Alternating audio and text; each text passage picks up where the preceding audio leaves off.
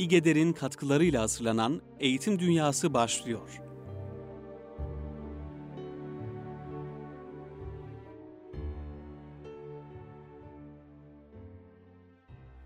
Merhabalar kıymetli Erkam Radyo dinleyenleri. Bir Eğitim Dünyası programında daha sizlerle beraberiz. Bugün programımıza divan edebiyatı, divan şiiri ile ilgili bazı paylaşımlarla başlayacağız. Onun öncesinde İgeder'de Gönül Kürsüsü programı ile ilgili bir hatırlatmamız olacak. İnşallah e, İgeder'de 30 Nisan 2014'te Emin Işık hocamızla, doçent doktor Emin Işık hocamızla buluşacağız. E, Emin Işık hocamız e, biliyorsunuz tasavvufi anlamda e, ilahiyat alanında e, derinlikli bilgilere sahip önemli bir isim. Nurettin Topçu'nun birebir talebesi olmuş, ondan istifade etmiş, feyiz almış bir isim. Nice başka büyüklerden feyiz almış bir isim. Onun Aşkı Meşk Etmek kitabı var. Öğretmen arkadaşlarımız o kitabı program öncesi İgeder'den temin edecekler. O kitabı derinlikli bir şekilde, e, detaylı bir şekilde, güzel bir okumasını yapacaklar. Ve o kitap üzerine Emin Işık hocamızla hasbihal edeceğiz. E, 30 Nisan çarşamba günü saat 20.30'da İgeder'de. Katılım e, önemli. Katılımcılarımız e, zaten Ahmet Taş getiren programımızdan e, varlar. Onlar e, bu gönül kürsüsü programına kayıtlarını yaptırmışlardı. Ama yeni katılımlara da açığız. E, mutlaka igeder.org.tr'den başvuruları gerçekleştirebilirler. Yine e, İgeder'de e, hanım kardeşlerimiz için e, Emin Işık hocamız konuşacaklar. Yine aynı kitap üzerinden hasbihal edecekler. E, 7 Mayıs'ta bir hafta sonra çarşamba günü saat 5'te İgeder'de gerçekleştirilecek program. Hanım öğretmenlerimiz de e, eğitim fakültesinde olan e, okuyan e, öğretmen adayları da programa iştirak edebilirler. Onlar da Emin Işık hocamızın kitabını Aşkı Meşk Etmek kitabını İgeder'den temin edip e, okuyacaklar ve programa hazırlıklı bir şekilde gelmiş olacaklar. Bunun duyurusunu e, memnuniyetle e, yapıyorum. Çünkü e, çok verimli bir program gerçekleştiriyor İgeder'de. Hem öğretmen arkadaşlarımız e, kitapla ilgili paylaşımlarda bulunuyorlar. Entelektüel okumalarına katkı sunmuş oluyoruz. Hem de yazarlarla birebir görüşme imkanı vermiş oluyor İGEDER onlara. Bu bulunmaz bir fırsat. Kaçırılmamasını özellikle arzu ediyoruz. Ee, bu gibi fırsatlardan istifade etmek lazım. Efendim divan şiiri, divan edebiyatı ihmal edilmiş bir edebiyat biliyorsunuz e, bir medeniyet kırılmasına uğramış toplumumuz. E, eski edebiyatı e, maalesef sanki başkalarının edebiyatıymış gibi o toplumumuza bu e, bilgi aktarım yapıldı. Ve insanlar kelimeleri anlamıyoruz, e, aşina değiliz diye eski edebiyatı, o edebiyat tamamen başkalarının edebiyatıymış gibi terk ettiler. Edebiyat, divan şiiriyle ilgili büyük karalamalar yapıldı, halen yapılıyor e, ve o zengin dünyaya bizim girişimiz engelleniyor.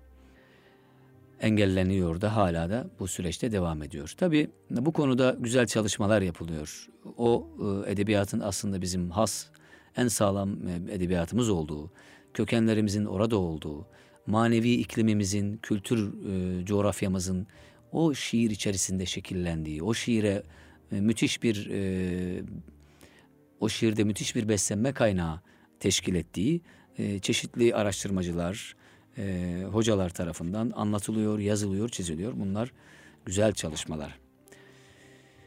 Yusuf Çetin Dağ olsun, işte Tahir Üzgör olsun, profesör, doktor, efendim Mustafa Kaçer'in hocamız olsun, İskender Pala olsun, diğer ismini anamadığımız birçok e, edebiyatçımız, yazarımız bu noktada çalışmalarını sürdürüyorlar.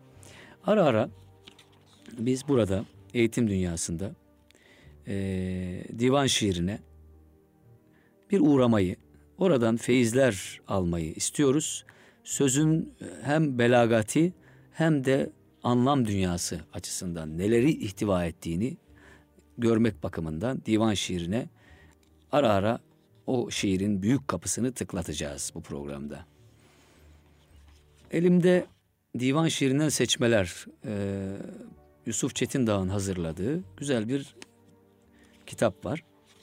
Burada bölüm bölüm bazı noktalar üzerinde durulmuş. Mesela diyor ki Yaratılış ve yaratılışın hikmeti tasavvufi içerikli şiirlerin en temel konularından biridir. Buna göre Allah güzelliğin kaynağı olduğu için kainattaki bütün güzellikler onun yansımasıdır. O güzelliğini anlayacak bir varlık yarattı ve onun kendisini sevmesini istedi. Bu minvaldeki bir beyit Mutlak güzel Allah kendi güzelliğini yüzlerce güzele aksettirdi. Sonra da aşıkların gözünden onu seyretti manasına gelen şöyle bir beyit söylüyor Beyazıt. Beyazıt. Kendi hüsnün hublar şeklinde peyda eyledi. Çeşmi aşıktan anı dönüp seyru temaşa eyledi. Karanlık nura, yokluk varlığa ayna olmuştur. Eğer karanlık olmasaydı aydınlığın kıymeti anlaşılamazdı. Şair bu gerçekten dolayı karanlığın bile minnetini çekeceğini dile getirir. Zulmet ayine nur olmağla ey nabi, çekerüz minnetini sürme gibi ruhi siyahun.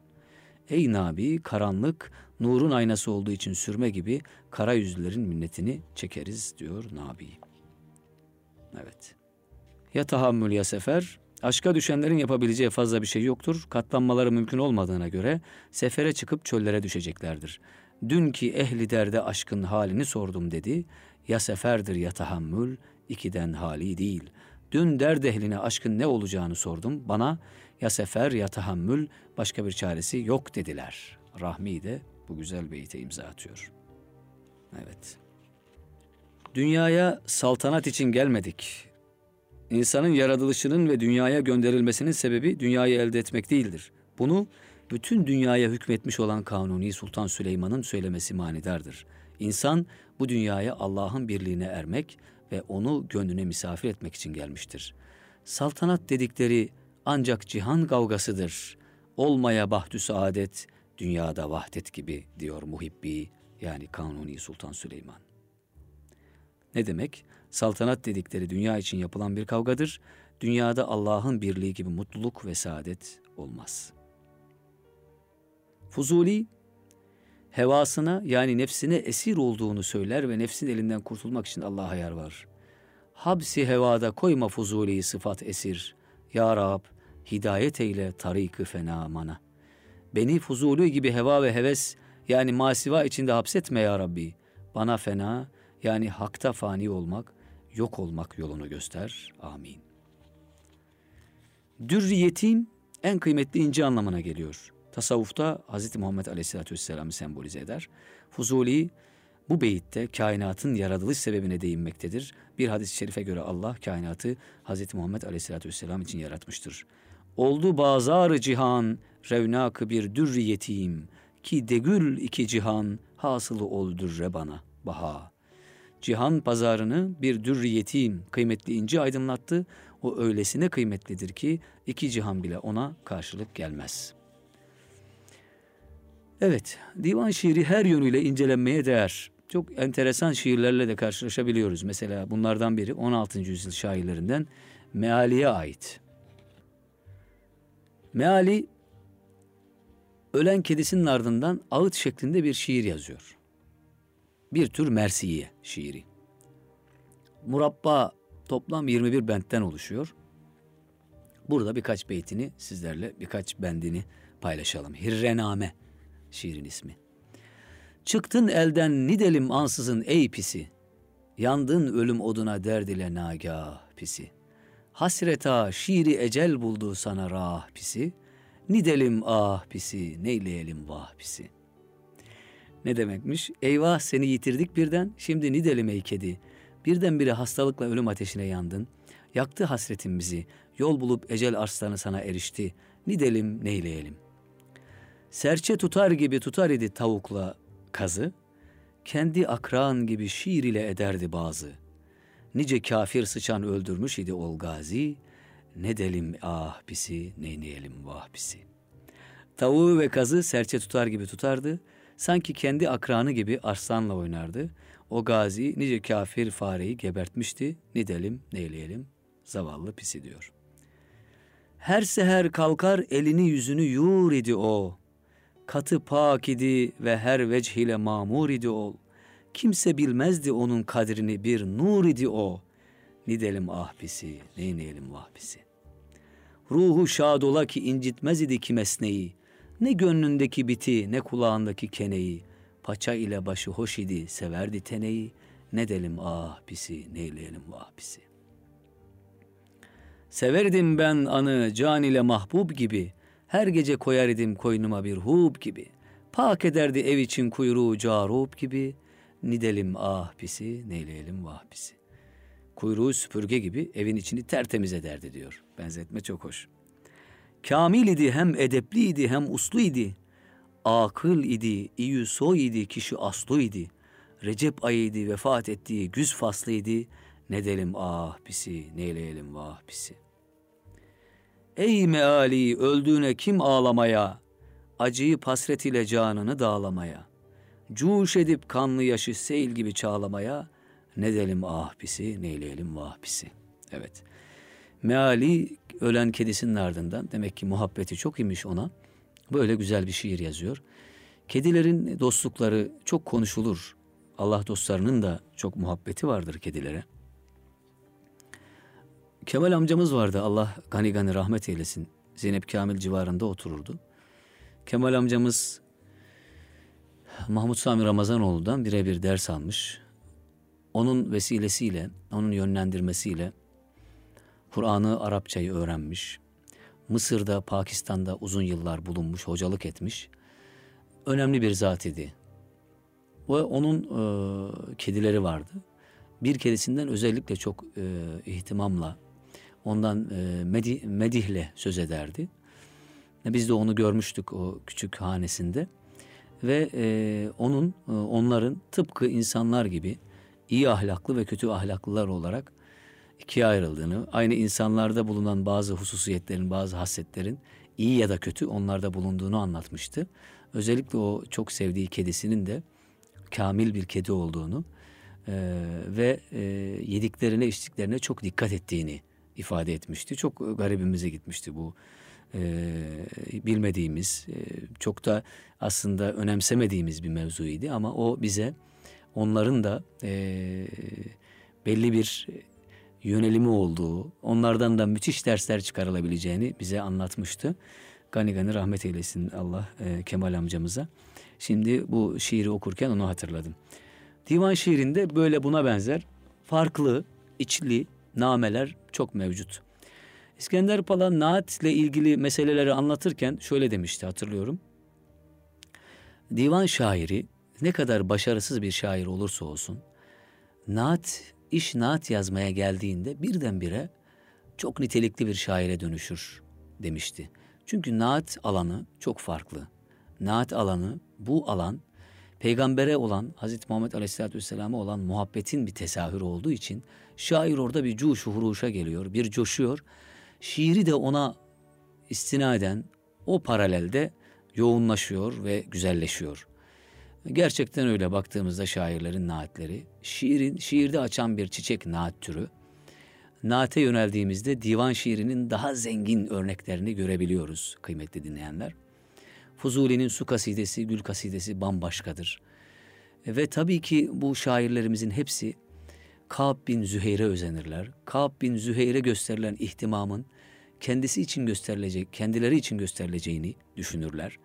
Peygamberin övgüsünün aleyhissalatü vesselam kendileri içinde her zaman baki olduğunu düşünürler ve şiirlerini o himmet ile yazarlar. Onlardan biri de Şeyh Galip'tir.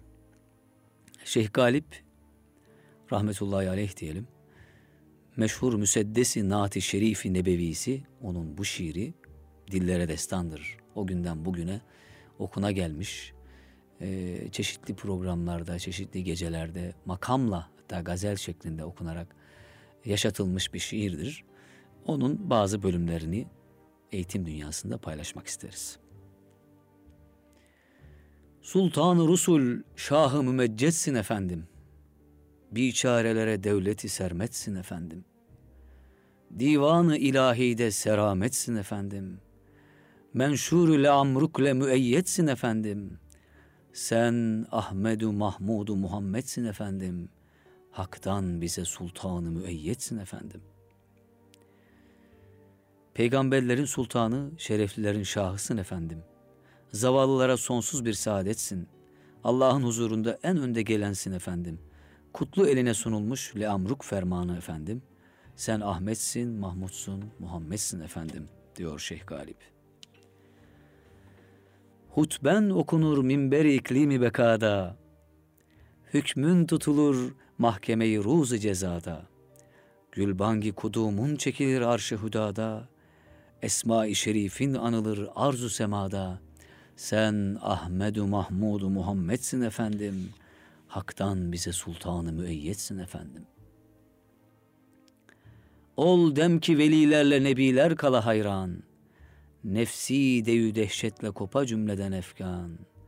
Yes ile usatın ola ahvali perişan. Desturu şefaatle senindir meydan. Sen Ahmedu Mahmudu Muhammedsin efendim. Hak'tan bize sultanı müeyyetsin efendim. Orada herkes nefsim nefsim diyerek inleyecek. Günahkarların hali pişmanlıktan dolayı perişan olacak. İşte o zaman da sadece sana şefaat izni verilecek. Naatlerin birçoğunda hemen hemen hepsinde zaten bir şefaat izni, şefaat isteği yok mudur kıymetli dinleyenler? Son bölüm. Bir gün ki dalıp bahri gama fikrete gittim. İlden getirip kendimi bir hodluğa gittim. İsyanımı anıp akıbetimden hazer ettim. Bu matla yad eyledi bir seyyid işittim. Sen Ahmedu Mahmudu Muhammedsin efendim. Hak'tan bize sultanı müeyyetsin efendim. Evet. Şeyh Galibe de rahmetler olsun. Bugünün şairinin divan şiirinden alacağı büyük hikmetler, büyük feyizler, büyük himmetler var.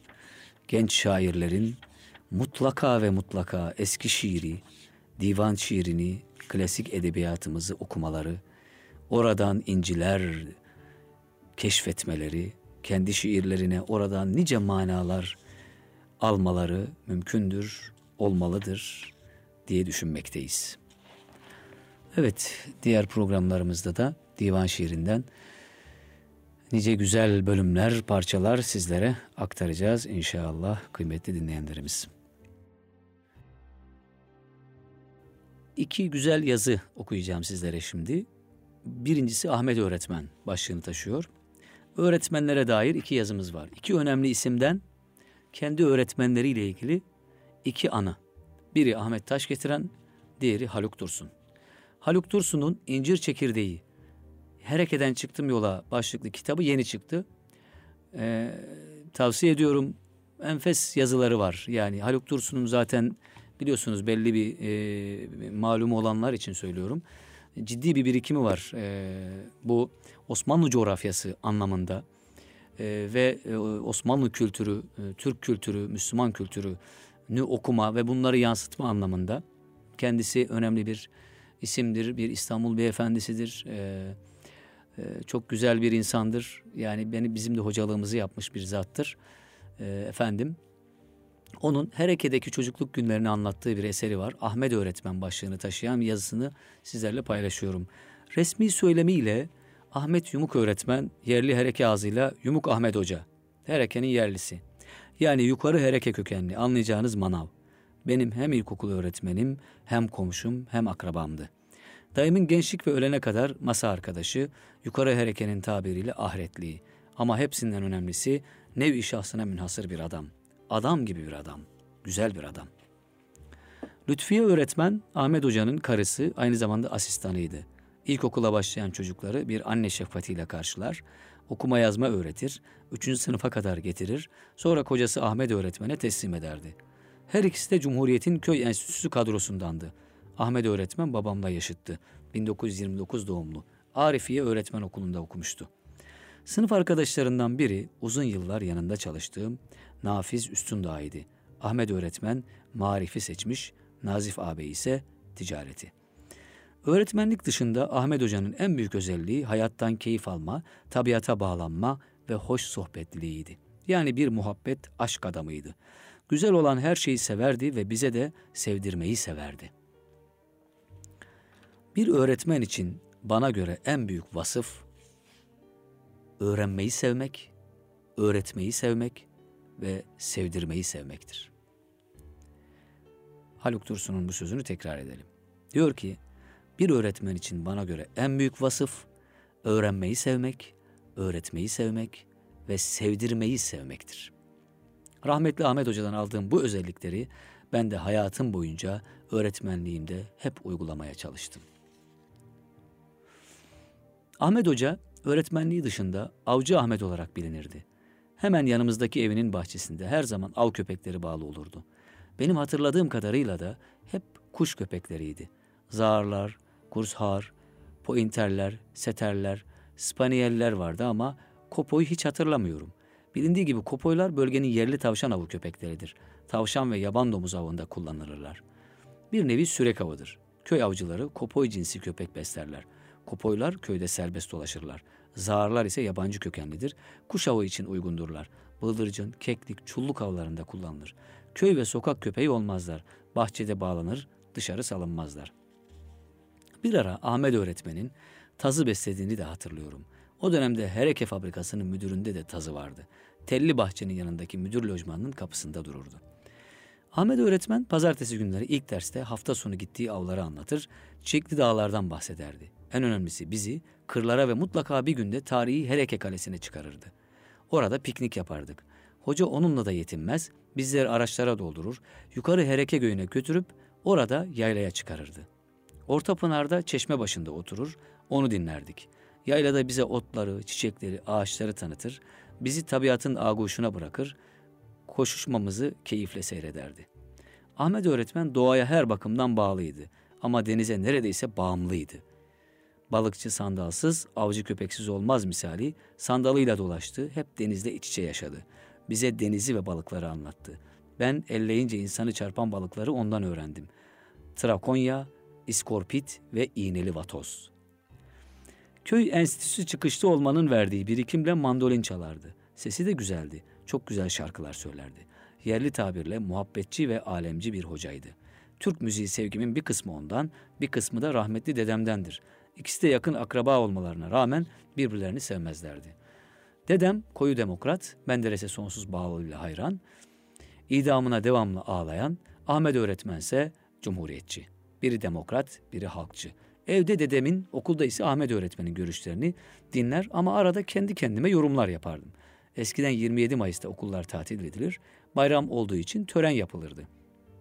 O gün dedem evde ağlar, biz okulda bayram töreni yapardık. Bunu küçük aklım kabul edemezdi.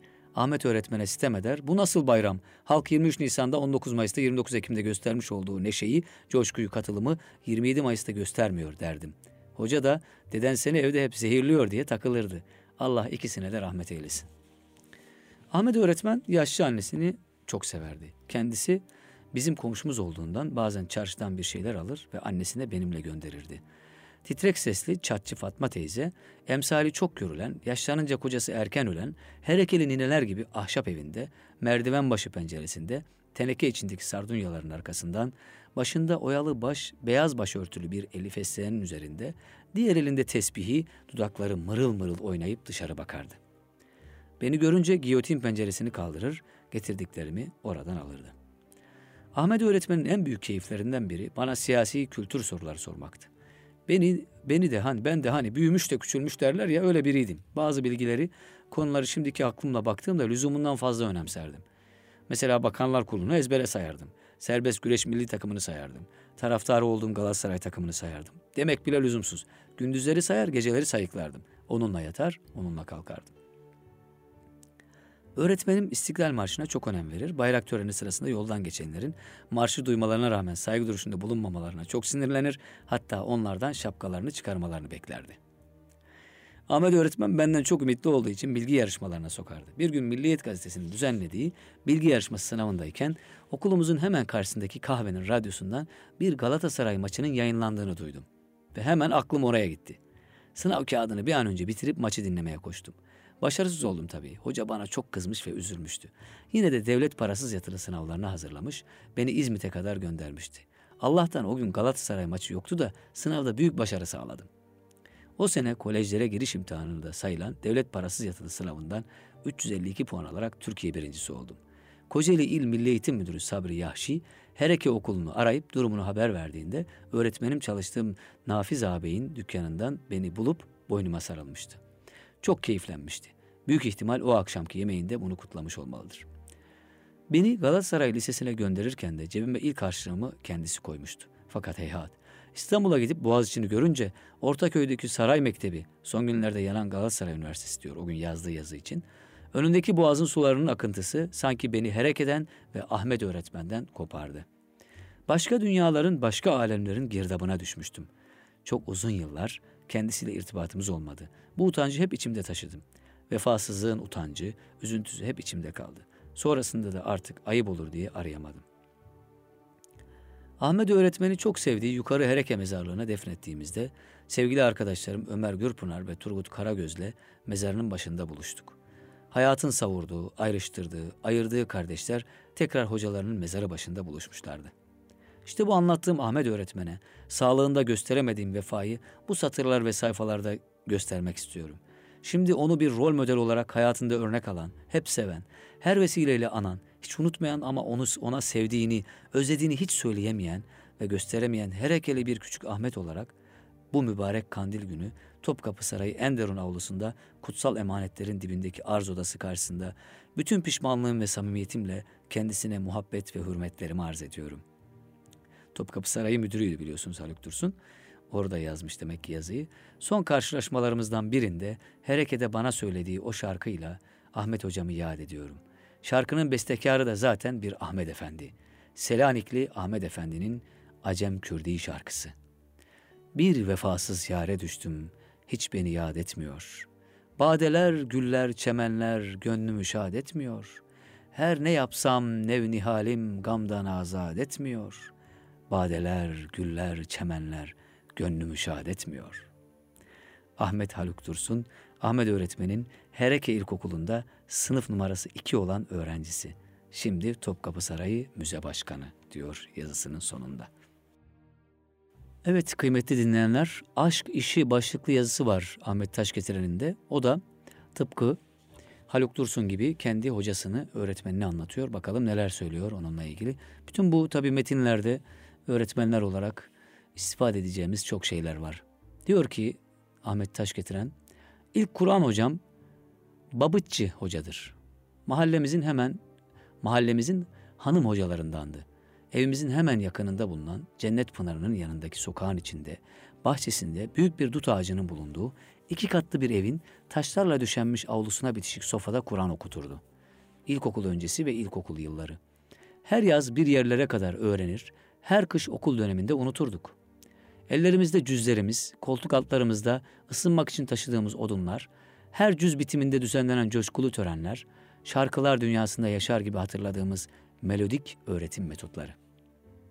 Rabbi yesir ve la tuassir Rabbi temmin bil hayır. Hayırları hayreyle, şerleri defeyle. Okuyan çocuklara maşallah biz de okuruz inşallah. Bu o günlerden zihnime kazınmış bir minik dua.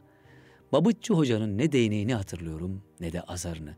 Belki de hiç yoktur onlar. Aksine Babıtçı hocanın evinde Ramazan bayramlarında Maraş'ta kömbe denen çörek pişerdi. Onun burcu burcu kokusu kalmış burnumda. Kur'an'ın burcu burcu ikliminde buğdayın, hamurun, zeytinyağının burcu burcu bereketi karışmış gibi. Dut gölgesi altında zaman zaman silkeleyip kapıştığımız bal gibi dutların tadı ve bir Anadolu evinin ruhaniyetini hissediyorum şimdi. Kur'an'la birlikte Müslüman çocukluğunun olmazsa olmazı Kur'an. Sonra İmam Hatip ve Sandal Hoca. Babamın anamın kabirleri Kur'an nuruyla dolsun. Onların basireti bizi İmam Hatip iklimi ile buluşturdu. Ve Rabbimize sonsuz hamdolsun ki orada Sandal Hoca gibi bir ipek sima Allah dostunun muallimliğine mazhar olduk. Zihnimde Sandal Hoca ile merhum Musa Efendi Hazretleri aynı sima güzelliğiyle, nur ve ile buluşuyor. Bilmem aynı endamda mıydılar, yürüyüşleri benzer miydi, Bakışları, gülüşleri, sakallarının beyazlığı, huylarının ipeksiliği aynileşiyor içimde. Babıtçı hocadan öğrenip öğrenip unuttuğumuz kelamı kadimi Sandal Hoca öğretti bize. Yani o günün İmam Hatipli çocuklarına. İki özelliği var ki yüreğimde silinmez bir izdir güzel insan örneği olarak. Birisi İmam Hatip'e gelmiş ama Kur'an bilmeyen çocuklara Kur'an öğretmek için ders saatinden önce kim bilir belki de sabah namazını kılıp yollara düşüyordu. Okula gelmesiydi. Yaşlı bir insandı ama o sabah derslerini hiç mi hiç aksatmazdı. Eminim bu aşktı. Eminim bu çocukları bulduğu için Rabbine sonsuz hamd halindeydi. Eminim fetret zamanlarından sonra bu çocuklar Kur'an'ın kapısını çaldığı için içten içe sevinç gözyaşları dökmekteydi. Bir çocuğa Kur'an öğretmek, onun nezdinde eminim Resulullah'ın yetiştirdiği birçoğu bir maunede şehit edilen Kur'an muallimlerinin iziyle buluşmaktı. Onun için derim ki hep Sandal Hoca'nın aşkı lazım Kur'an hocalarına. Hoş herkesin hayatında bir mübarek Sandal Hoca da vardır. Sandal Hoca'nın diğer özelliği cezalarıydı. Hayır hayır sopası falan değil. Çocuklar olur da yaramazlık olmaz mı? Elbet olur. Kur'an okurken de olur, namaz kılarken de. Belki çocuk böyle sever sevdiklerini. Senli benli olur o yaramazlıklar içinde buluştuğu şeylerle. Peki hoca olur da cezası olmaz mı? O da olur. O da işin tuzu biberidir. Ama Sandal Hoca'nınki gibi olursa, yani nasıl? Yani şöyle. Sandal Hoca'nın cezası baş ve işaret parmaklarıyla bizlerin kulak memesini şöyle bir kelebek dokunuşu hafifliğinde tutmasıydı. Kesinlikle kelebek dokunuşu hafifliğinde. Anlardık ki Sandal Hoca'yı üzdük. Ya da bazen sırf kulaklarımıza öyle bir dokunsun diye yaramazlık mı yapardık bilmiyorum. İçimden o geçer hep. Bir Kur'an hocasının mecbur kalırsa en yaramaz, en haşarı talebeye müeyyidesi bu kadar olmalı sanki. Bu kadar ve bu sevgi şefkat dozuyla yüklenmiş olarak. Yani bak ben seni çok seviyorum. Senin Kur'an'ı öğrenme için, öğrenmen için can atıyorum. Sen bana Resulullah'ın emanetisin der gibi. Öyle demez miydi? Bir maunede şehit olmasa ve gidecekleri yerlere ulaşsaydı Resulullah'ın rahle-i tedrisinde yetişen Kur'an muallimleri. Sandal Hoca Kur'an-ı Kerim yanında siyer derslerimize de girerdi. Belki de bu yüreği siyerin sularında yıkanmış, arındırmıştı. Müşahhas bir olayı hatırlamıyorum ama siyer içimde efsunlu bir sevgi halisi halindeyse bunda Sandal Hoca'nın sesiyle ve simasıyla taşınmış olmasının büyük tesiri olmalı. Son olarak derim ki çocukların Kur'an'la buluşmasında aşk ehli ana babalar olmalı. Aşk ehli hocalar olmalı. Hadi yavrum git, Kur'an'ımızı öğren diyen ana babalar. Sen geldin ya yavrum, sen Kur'an'ımıza geldin ya diye çocuklara sarılan hocalar. Eklemeye herhangi bir ek yapmaya gerek var mı bilmiyorum. Yazı içerisinde Ahmet Taş getirenin öğrencide de hocada da olması gerekenleri çok güzel ifade ettiği ortada. Kalp coğrafyamızı korumak Ahmet Taş getirenin kitabından hocasıyla ilgili anısını sizlerle paylaştık. Kıymetli dinleyenler, Nuri Pakdil'i bilenler için heyecan verici bir olay oldu diyelim. Bu olay Nuri Pakdil'in yıllar önce yayınlanan ve baskıları tükenen kitaplarının yeniden yayınlanmasıydı. Orada Nuri Pakdil çok önemli düşüncelere yer veriyor yerli edebiyatın, yerli yazarlığın, yerli bakışın nasıl olması gerektiği hususunda önemli değinileri, göndermeleri var.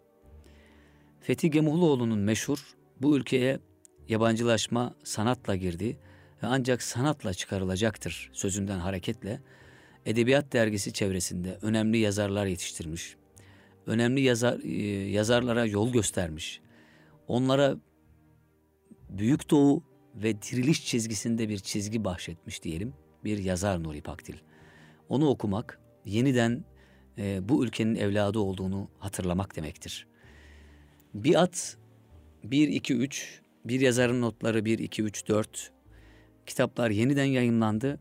Edebiyat Dergisi yayınları tarafından İstanbul'da e, İstanbul'da iz yayınları Çağaloğlu'nda iz yayınları dağıtımını üstlenmiş. Bunun bilgisini verelim. Burada kalemin yükü başlıklı yazı var. Eğitim dünyasında son olarak sizlerle onu paylaşmak istiyorum. Ee, bir e, inancı kuşanmış, yerli kültürle donanmış bir yazarın niçin yazdığını anlattığı, niçin elimize kalemi, kalemi aldık, bizim derdimiz nedir? Bunu anlattığı önemli bir yazısı. Edebiyat dergisinin ilk çıkış yazısı, çıkış manifestosu diyebileceğimiz bir metin. Onu okuyarak, onu paylaşarak bugün sizlere veda etmek istiyorum kıymetli dinleyenler. Kalemin yükü. Niçin yazıyoruz? Nedir ereği kalemi elimize alışımızın? Yazar önce bunları düşünerek masaya oturan kişidir. Ağacın çiçek açması gibidir yazının yazılması. Kadın doğum yapar, sancının sonu muştudur. Yazarın da cümleleri öyle. Yazar ondan dönemez artık, bağlanmıştır. Kuşkusuz insanın sürekliliği, tüm canlıların sürekliliği nasıl bir zorunluluksa, duyguların, düşüncelerin sürekliliği de bir zorunluluktur. Düşüncelerin, duyguların sürekliliğini yazı sağlıyor. Sözün de yazıya eş bir gücü var. Söz, kelam, toplumların şah damarıdır adeta. Söz gelimi eski Yunanistan'da devlete eş bir gücü vardı kelamın.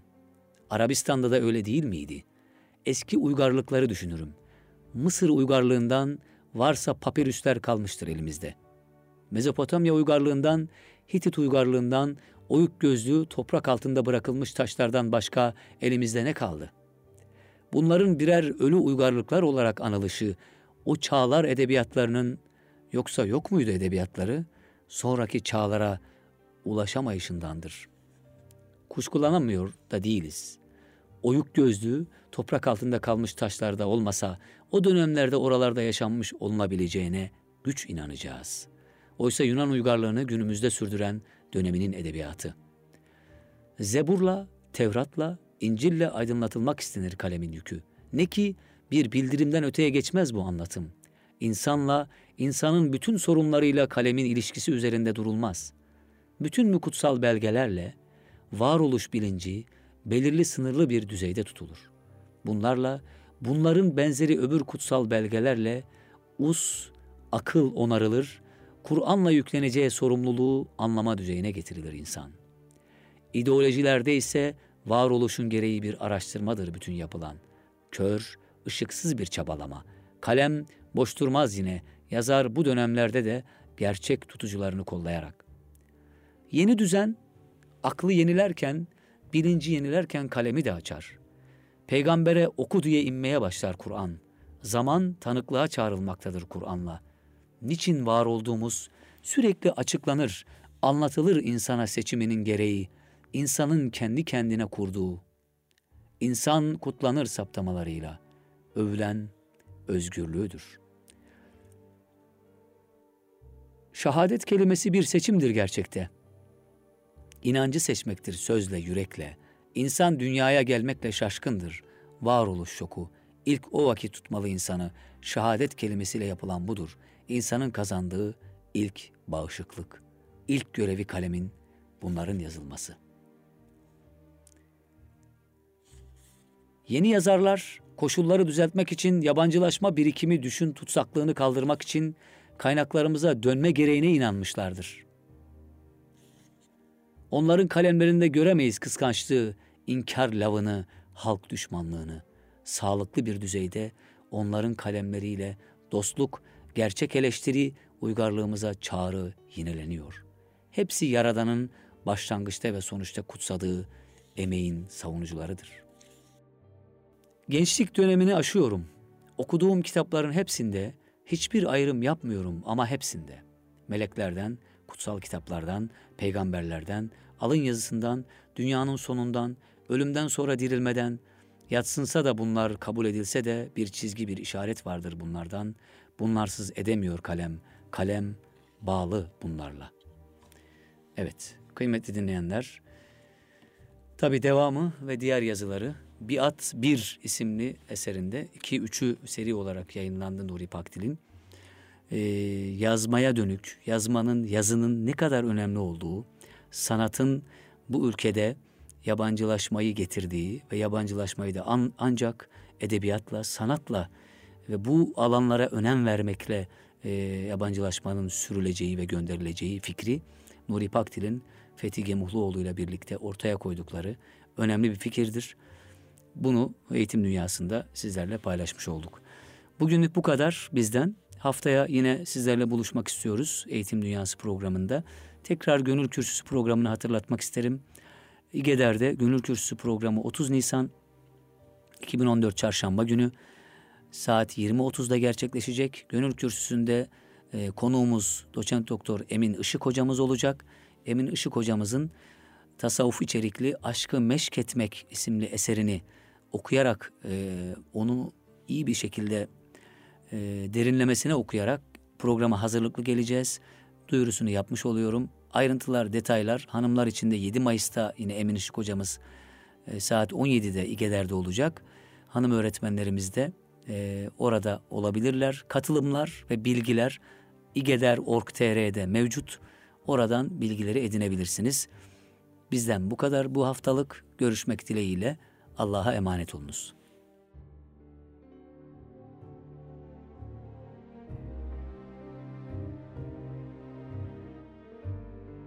İgeder'in katkılarıyla yayına hazırlanan Sait Yavuz'la Eğitim Dünyası programını dinlediniz.